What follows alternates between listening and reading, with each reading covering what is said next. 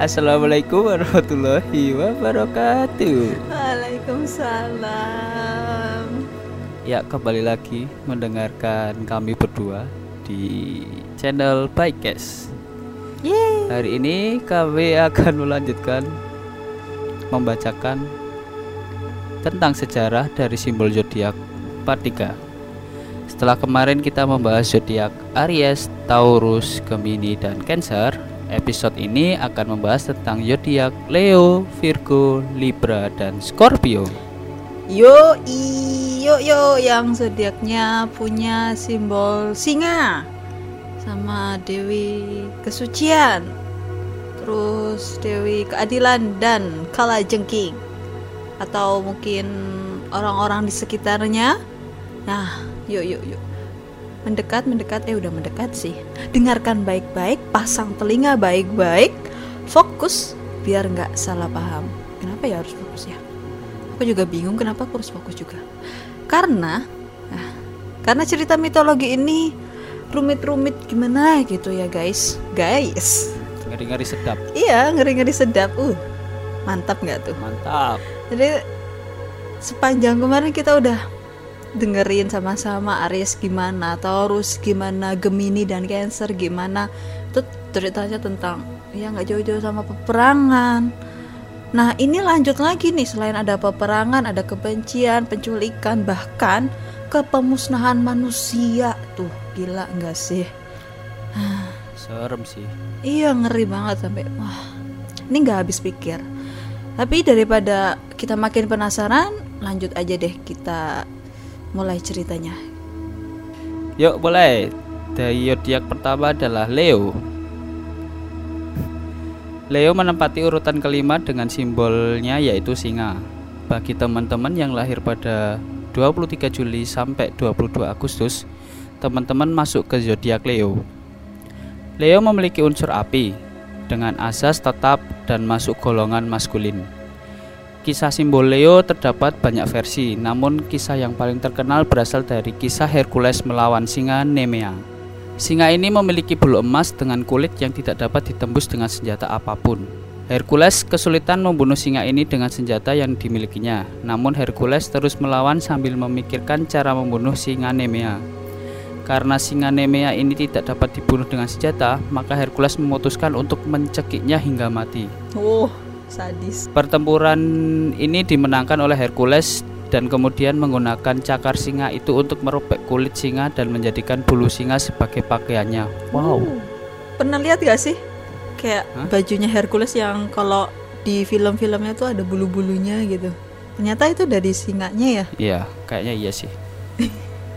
Atas aksinya itu, Zeus memberi singa Nemea sebuah tempat di rasi bintang sebagai konstelasi Leo. Namun dalam kisah lain yang memberikan singa Nemea tempat di rasi bintang adalah Dewi Hera. Karena Dewi Hera lah yang membesarkan singa Nemea dan mengirim singa tersebut untuk melawan Hercules. Oh, ada dua versi ya berarti.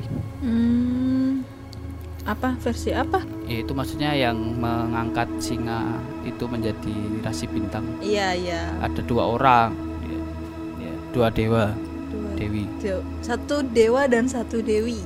Oh ya Tapi kayak gitu kok kayaknya ini dewa eh dewa Dewi Hera nih kayaknya dendam banget sama banyak orang gitu sih. ya. Dia ini ada masalah apa ya? Apa-apa ngirim Hmm. ini, apa-apa ngirim ini. Eh benci banget gitu sama Hercules. Kemarin Hmm. melawan kepiting. Gara-gara Iya, Dewi Hera Cancer. lagi. Iya kan? Mm-mm. Sekarang ngelawan dia ini singa ada dendam kayak sama Hercules Iya, mungkin kenapa ya? tapi aku kema aku kan ngikutin ini kan ada komik Jepang Mm-mm. judulnya aku lupa judul Inggrisnya tapi kalau judul Jepangnya tuh Sumatsu no Valkyrie jadi ceritanya tentang manusia di ambang kepunahan Mm-mm. Nah, nasib manusia itu ditentukan eh, di persidangan para dewa-dewa. Ah, Jadi, jadi ada dewa dari Yunani, ada dewa dari Nordik, pokoknya dewa-dewa macam gitu. Nah, di chapter terbaru tuh sampai ke pertarungan keempat antara jadi ada turnamen 10 manusia melawan 10 dewa Nah, nggak adil dong. jadi ya Nggak adil dong. Ya iya makanya ini udah pertandingan ke keempat. Jadi awalnya tuh Zeus ngelawan Adam, Thor ngelawan Lubu, terus ada Poseidon ngelawan samurai dari Jepang terkenal gitu. Yang per, yang sekarang tuh Hercules ngelawan Jack the Ripper. Nah di ceritanya Hercules itu Hercules punya senjata bentuknya kayak palu gitu loh. Nah palunya itu bisa berubah berubah-ubah eh, hewan. Kayaknya sempat sih dia ngeluarin jurus itu palunya jadi singa. Kayaknya singa Nemea ini deh. Bagus sih komiknya kalau yang suka dewa-dewa gitu. Sekarang poinnya 21 sih. Nggak tahu ini Jack yang menang atau Hercules. Kalau Jack menang berarti dilanjutin. Dua satu tuh dua siapa? Dewanya. eh ad- ya Zeus menang. Thor menang. Poseidon kalah. Terus ini nggak tahu Hercules kalah apa menang. Jadi dua poinnya dua tuh buat dewa satu buat manusia.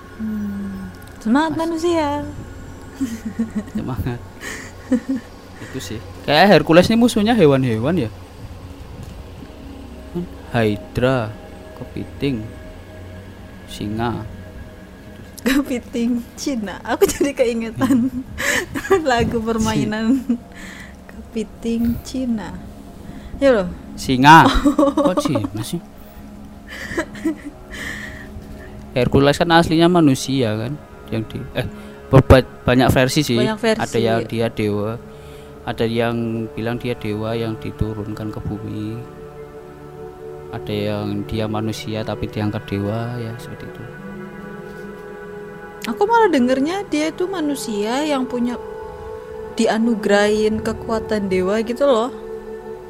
ya itu ada versi itu. Yang di komik juga kayak gitu sih dia manusia yang dianugerahi karena bisa ngelawan siapa itu ngelawan Ares apa siapa. Ah. terus dia dianugerahi. Terus ada juga yang katanya dia tuh anaknya siapa terus diturunkan ke bumi jadiin manusia terus diangkat lagi jadi dewa oke jadi bahas Hercules bukan bahas singa Siap. jadi melenceng nggak apa-apa lah ya. Wawasan baru. Lanjut. Ilmu. oke selanjutnya ada zodiaknya bunga zodiak Virgo Kok tahu? oh ya karena ini ya aku tahu lah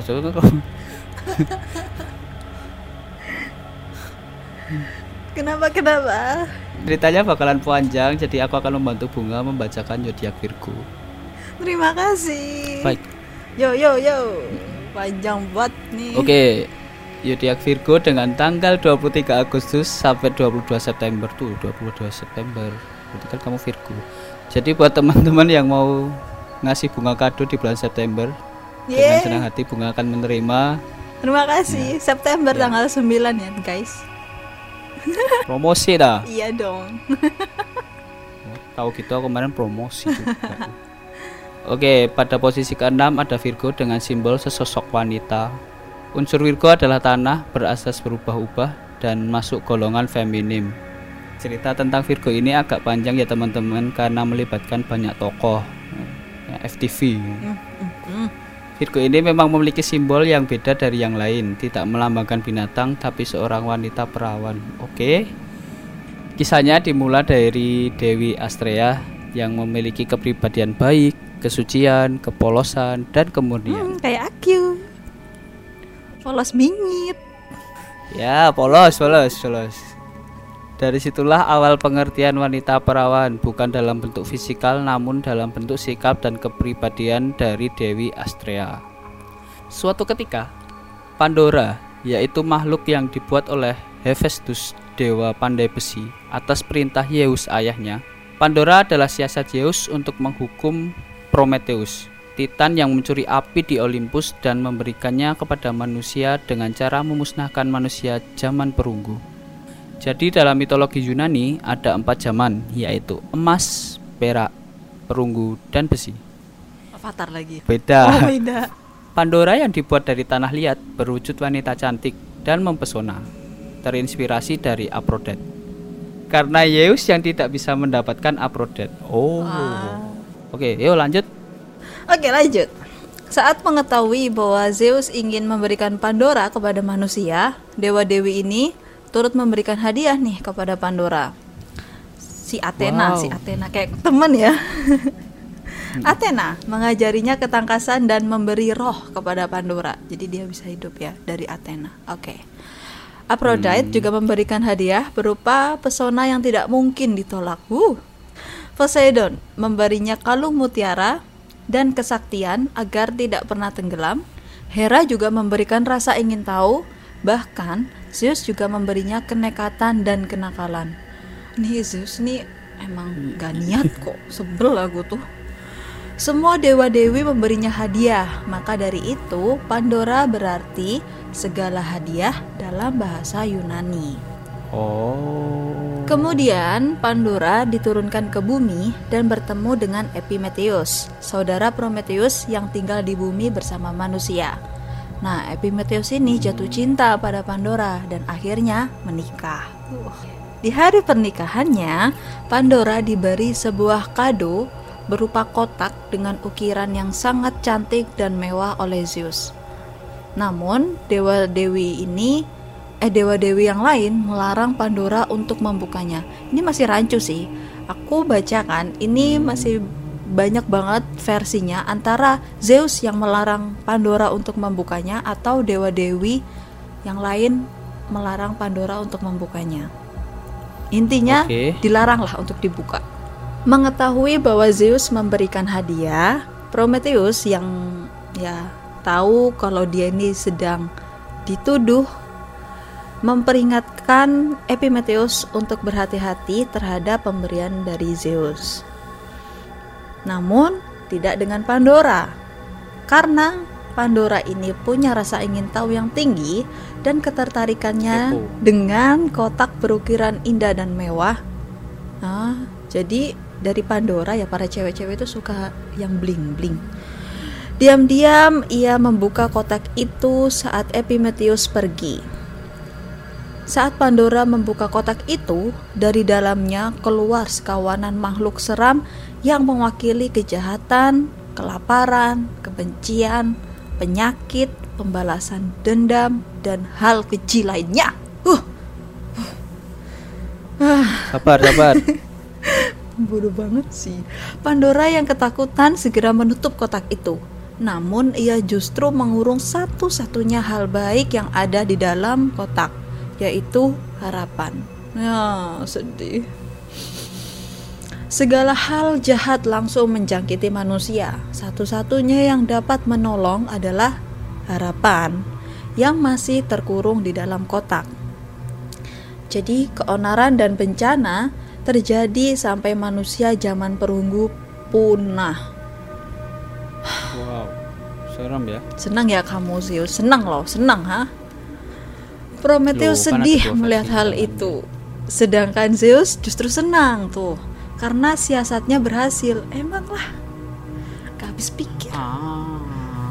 Usia. Melihat manusia punah, para dewa-dewi sepakat untuk terbang kembali ke surga agar terhindar dari semua bentuk kejahatan di bumi.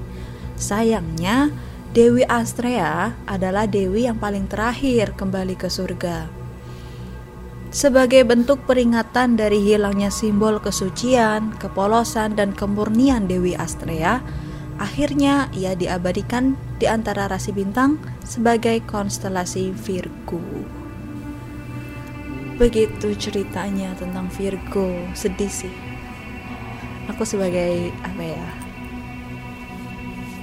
sebagai orang. Virgo ya, merasa relate dengan kehidupan tahun 2020 ini. Oh, makanya itu ya. Maksudnya banyak eh istilah-istilah apa ya? Pandora box.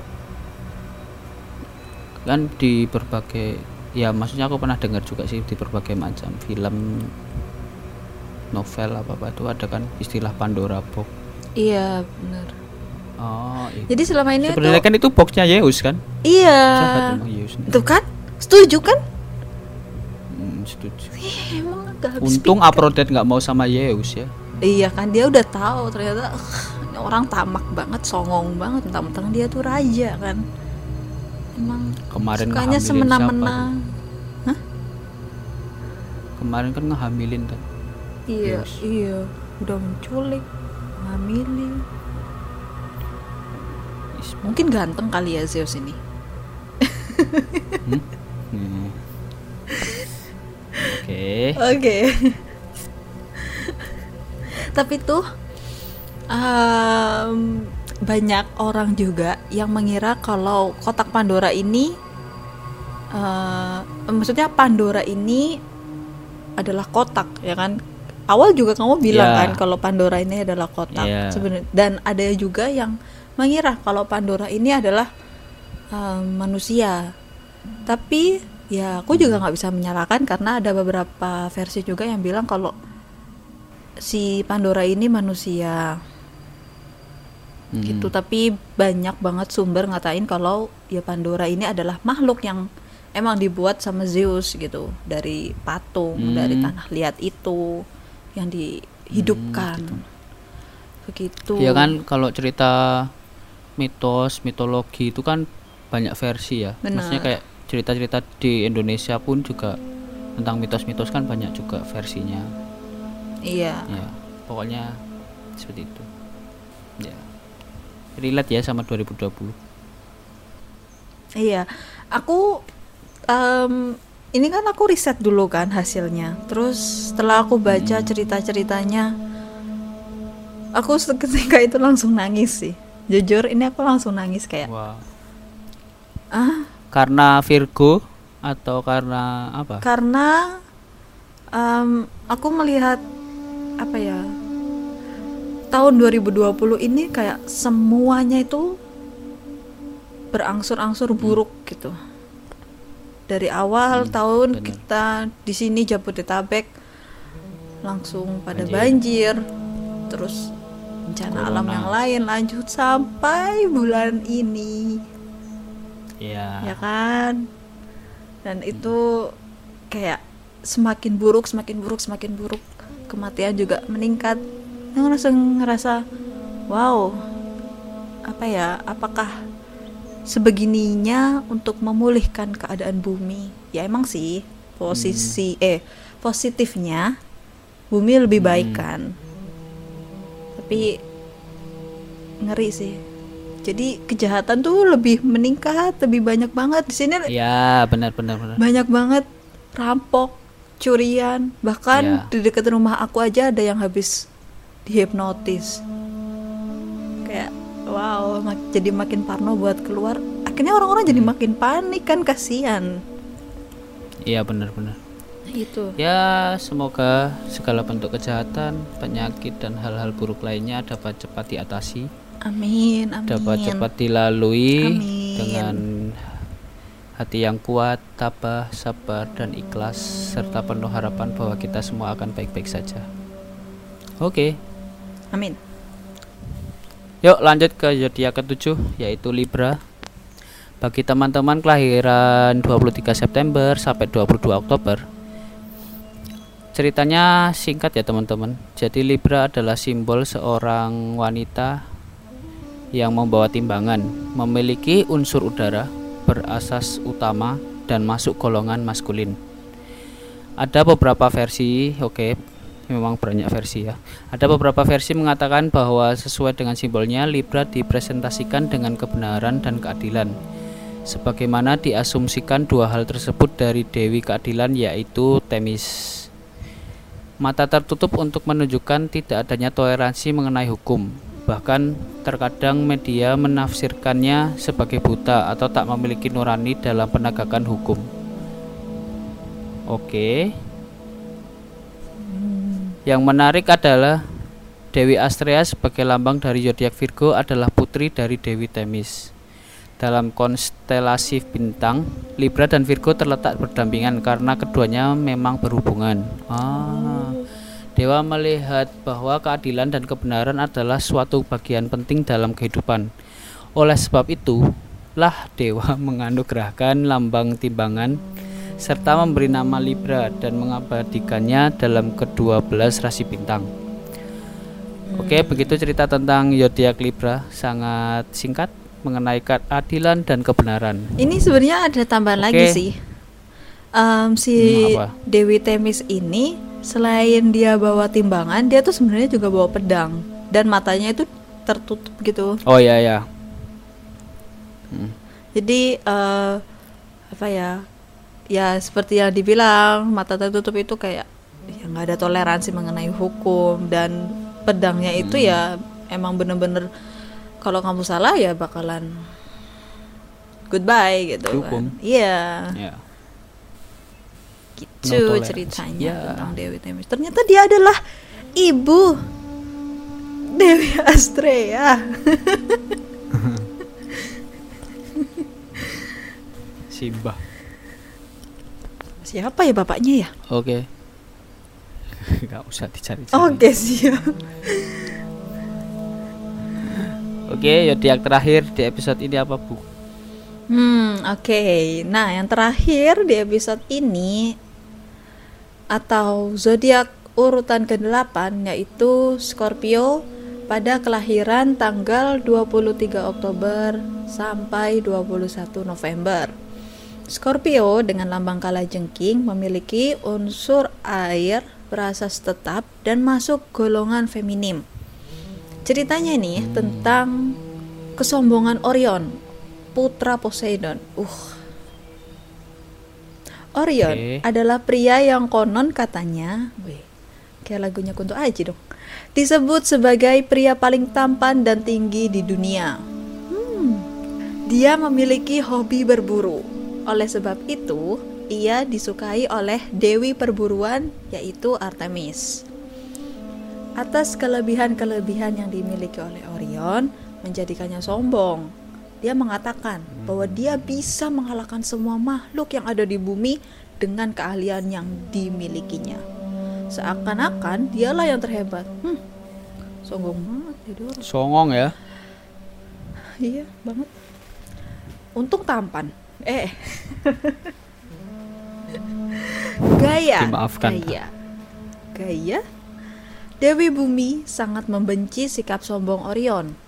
Ia memutuskan untuk mengirim seekor kalajengking raksasa dan memintanya untuk mengalahkan Orion. Dalam pertarungan yang sengit, kalajengking itu berhasil menyengat Orion dan Orion pun tewas.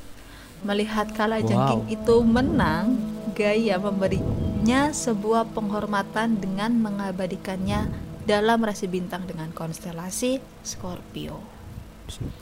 Ah, Nah, di sisi lain nih, karena Artemis ini emang dari awal suka sama Orion, si Artemis ini menempatkan Orion sebagai rasi bintang. Ia ditempatkan Hmm. bersama anjingnya bernama Sirius yang disebutkan adalah bintang paling bersinar di langit. Oh, hmm. pantesan nama Orion tuh kayak nggak asing gitu. Ternyata rasi bintang.